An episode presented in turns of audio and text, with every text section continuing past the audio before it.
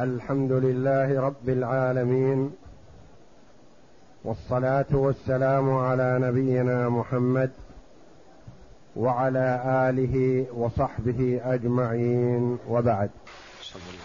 بسم الله الرحمن الرحيم والصلاة والسلام على أشرف الأنبياء والمرسلين نبينا محمد وعلى آله وصحبه أجمعين. قال المؤلف رحمه الله تعالى فصل وينتقل الملك في الوقف إلى الموقوف عليه في ظاهر المذهب لأنه سبب نقل الملك ولم يخرجه عن المالية ووجد إلى من يصح تمليكه أشبه البيع والهبة.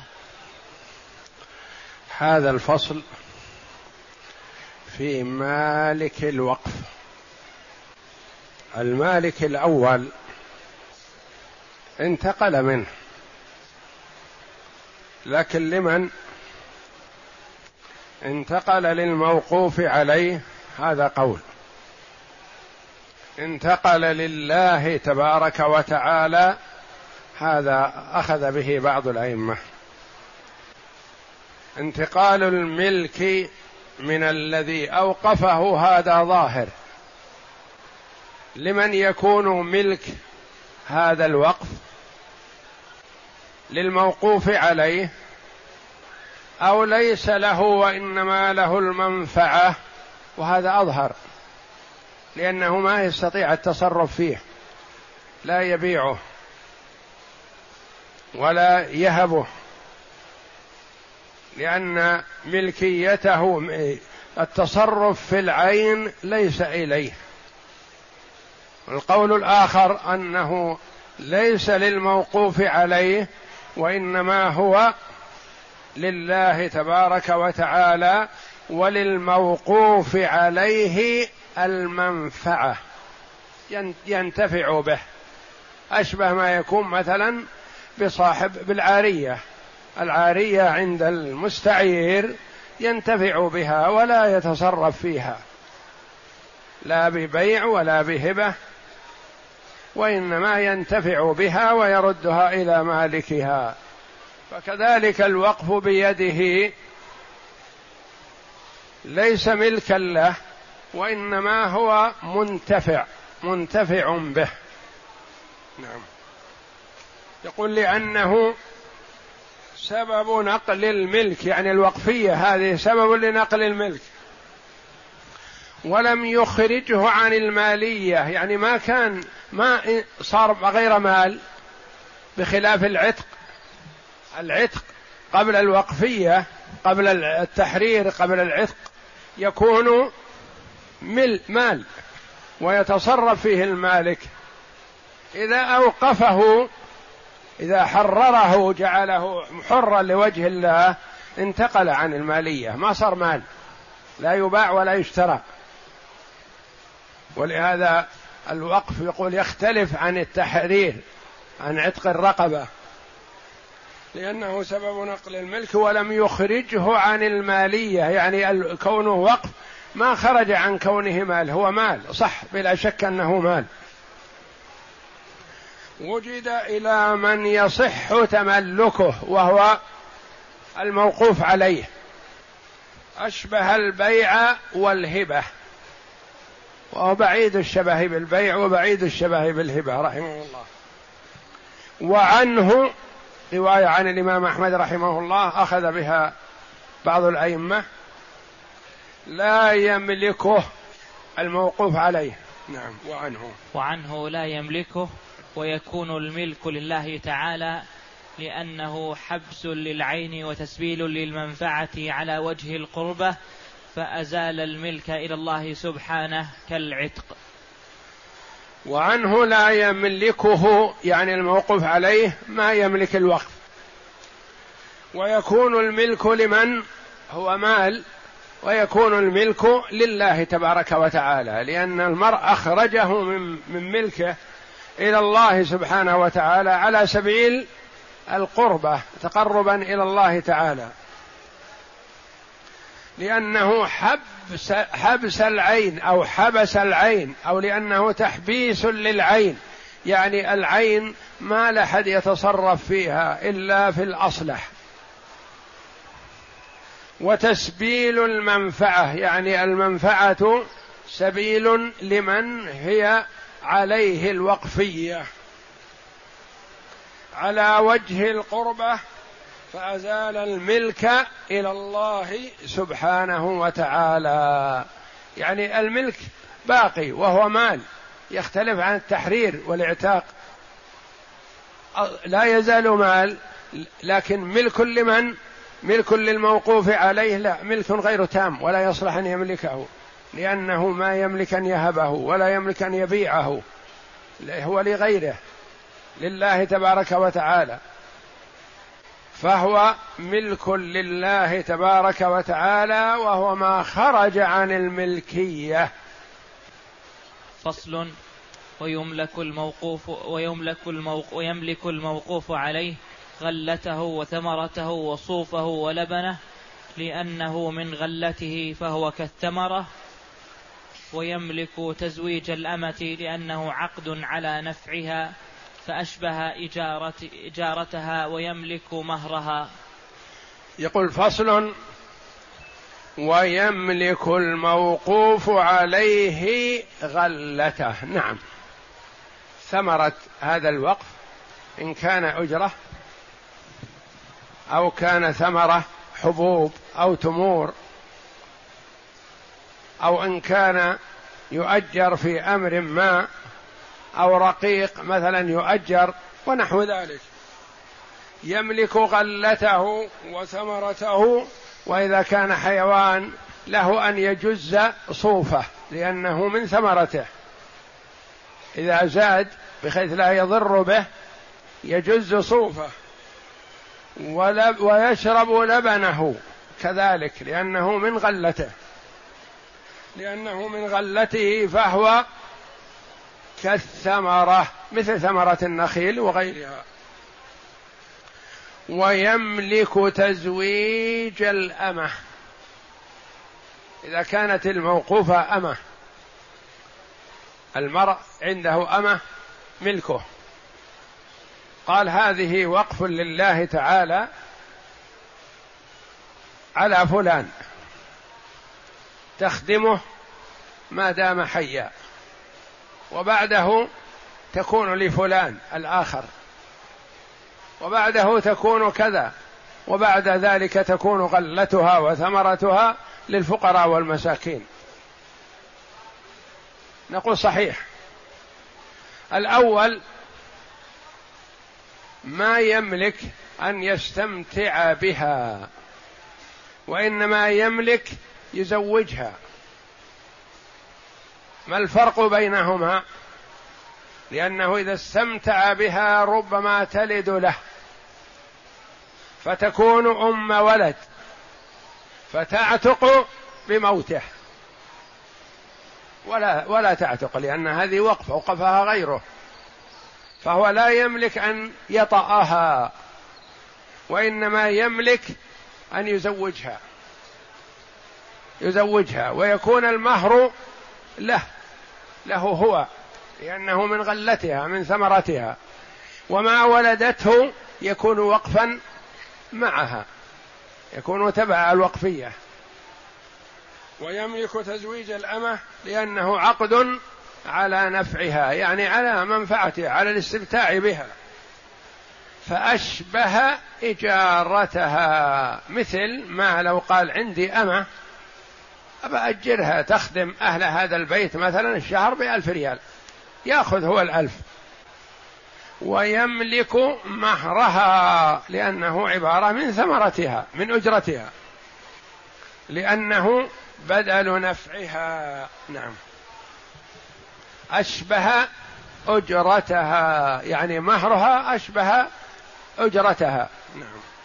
ويملك مهرها لأنه بدل نفعها أشبه أجرتها وإن ولدت فولدها وقف معها لأن الوقف حكم ثبت في الأم فسرى إلى الولد كالاستيلاد والكتابة. نعم. يعني أنه أنه إذا زوجها وولدت يكون ولدها رقيق.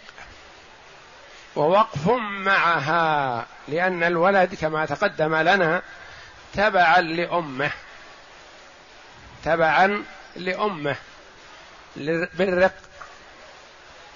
فولدها وقف معها لأن الوقف حكم ثبت في الأم الأم موقوفة. فسرى إلى الولد. يعني تعدى من الأم إلى الولد فصار ما ينتج منها وقف. كالاستيلاد والكتابة. كالاستيلاد يعني هي أمة له. زوجها شخص ماذا يكون أولادها؟ أرقة معها يكون ملك لسيدها. حتى لو تزوجها حر. فتكون فيكون أولادها إلا إذا اشترط الحر أن أولادها أحرار. وإذا لم يشترط فإن ولدها يكون تبعها ملك لسيدها كالاستيلاد والكتابة. كذلك الأمة المكاتبة مثلا إذا زوجها وولدت فإنها فإن الولد يكون معها تبعا لها وتبع كتابتها. إذا عتقت عتق الولد وما دامت لم تعتق فهو رقيق معها. والمكاتب رق ما بقي عليه درهم. المكاتب ما يعتق بمجرد الكتابة والكتابة هي أن يشتري الرقيق نفسه بمبلغ من المال. يسلمه على أقساط. فما دام لم يسلم كامل القيمة فهو رقيق. والرقيق المكاتب قد يستخير في آخر أمره. قد يشتري نفسه بعشرة آلاف ويسدد شيئا فشيئا تسعة آلاف. يبقى عليه ألف. إذا دفع هذا الألف أصبح حر. فكر في نفسه. قال أنا الآن مكفول. عند سيدي أنا وأولادي وكذا ونفقتي عليه. ومعزز مكرم. ماذا أستفيد من الرق؟ أول ما أستفيد من الرق يخرجني من البيت. ومن أضطر أستأجر. وأضطر أنفق على نفسي وعلى أولادي. لا لا أبقى رقيق. يظهر عجزه عن دفع الألف ويبقى رقيق. والرقيق والمكاتب رق ما بقي رقيق ما بقي عليه درهم. يعني لو بقي عليه شيء يسير وعجز نفسه قال عجزت ما أنا مسدد. يبقى رقيق. لأنه أحيانا يختار الرقيق الرق على الحرية التي تكلفه ما لا يطيق. ولا يملك الموقوف عليه وطأها لأن ملكه فيها ضعيف ولا يؤمن إفضاؤه إلى إخراجها من الوقف. ولا يملك الموقوف عليه وطأها وطأها مفعول به. ولا يملك الموقوف عليه. مثلا أمة قال سيدها هذه وقف على أخي على عمي على خالي هذا الكبير تخدمه ما دام حيا. هل يملك هذا الذي وقفت عليه أن يطاها؟ لا. ما يملك وإنما تخدمه. ولا يستمتع منها استمتاع الزوج بزوجته وإنما يملك أن يزوجها. هذا الموقوف عليه يملك أن يزوجها لكن ما يملك هو أن يطأها. لما؟ لأنه إذا وطئها ربما أنجبت. فإذا أنجبت أصبحت أم ولد وأم الولد ليست رقيقة تعتق بموته فيحصل يترتب على هذا الوطء أمور ممنوعة. إن فعل فما الحكم؟ قيل له انتبه لا تقربها ولا تحل لك هي أمة موقوفة عليك تخدمك مثل ما يخدمك زيد أو عمرو لا تقربها. قال إن شاء الله. لكنه خلا بها وتجملت له وقربت منه فاستدناها. وقضى وطره وحملت. ماذا يترتب على هذا؟ الحمل يكون رقيق ربما يكون ابن أخيه. ما يكون رقيق ابن أخي الموقف. ولا الموقوف عليه حر. ما يكون ولده رقيق. يثمن قيمته يوم ولادته. ويكون حر ويدفع قيمة الولد. ثم ينتظر. متى ما مات هذا تثمن هذه لأنها تعتق بموته. لأنها أصبحت أم ولد. تثمن قيمتها ويشترى بها أمة بدلها. ولا يحد لوجود الشبهة. لقوله صلى الله عليه وسلم ادرأوا الحدود بالشبهات ولا يملك موقوف ولا يملك الموقوف عليه وطئها لأن ملكه فيها ضعيف. ولا يؤمن إفضاؤه إلى إخراجها من الوقف فإن وطئها فلا حد عليه لأنها ملكه ولا مهر عليه لذلك. نعم. وإن لم تلد وإن لم تلد منه فهي وقف بحالها وإن ولدت وإن لم تلد إذا ما ولدت منه فهي لا تزال وقف. وبعد موته تنتقل إلى من وقفت عليه بعده. لأن الوطء ما يخرجها عن الملكية والوقفية ولكن الذي يخرجها ولدها إذا ولدت من حر. نعم. وإن ولدت منه فالولد حر لأنه من مالكها وعليه قيمته يوم الوضع. يوم الوضع. إذا ولد يقول كم يسوى هذا؟ ألف ريال أو أقل أو أكثر يوم ولادته. ويلزم بدفع هذه القيمة وتكون تبع الوقف ثم ينتظر عاد إن مات الموقوف عليه قبل موت الأمة فحينئذ ينظر قيمتها تكون هي حرة وتثمن هي بقيمتها يوم موت واطئها. ثم يشترى بهذه القيمة أمة تكون موقوفة مكانها وهي تعتق بولدها. فالولد حر. فالولد حر لأنه من مالكها وعليه قيمته يوم الوضع لأنه فوت رقه ويشترى ويشتري بها عبدا يعني يكون يعني لو لو زوجها رقيق لكان ولدها رقيق معها. فهو بوطئه وولادتها فوت على من بعده قيمة هذا الولد.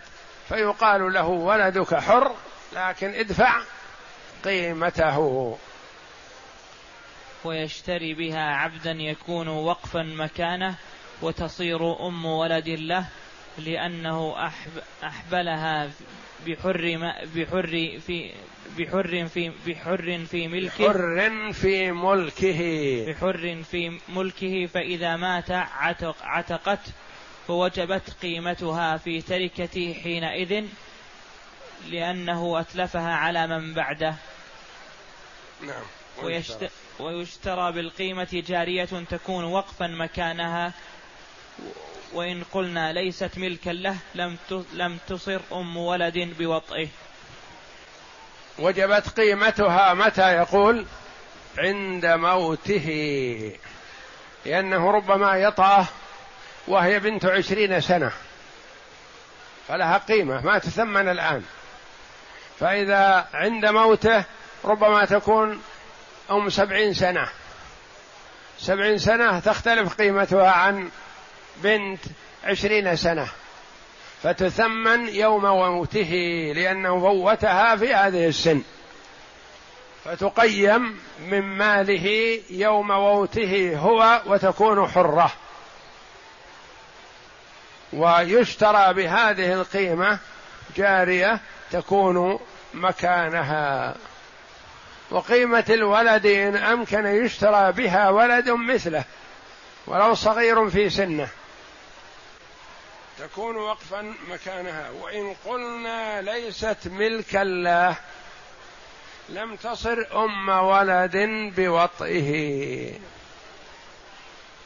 يعني كونها تكون أم ولد ونحو ذلك هذا على القول بأنها ملك للموقوف عليه.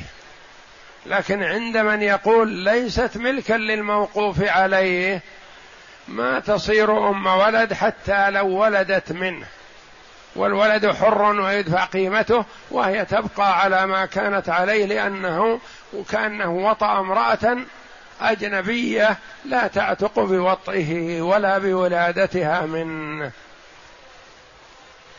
والله أعلم. وصلى الله وسلم وبارك على عبد ورسول نبينا محمد وعلى آله وصحبه أجمعين.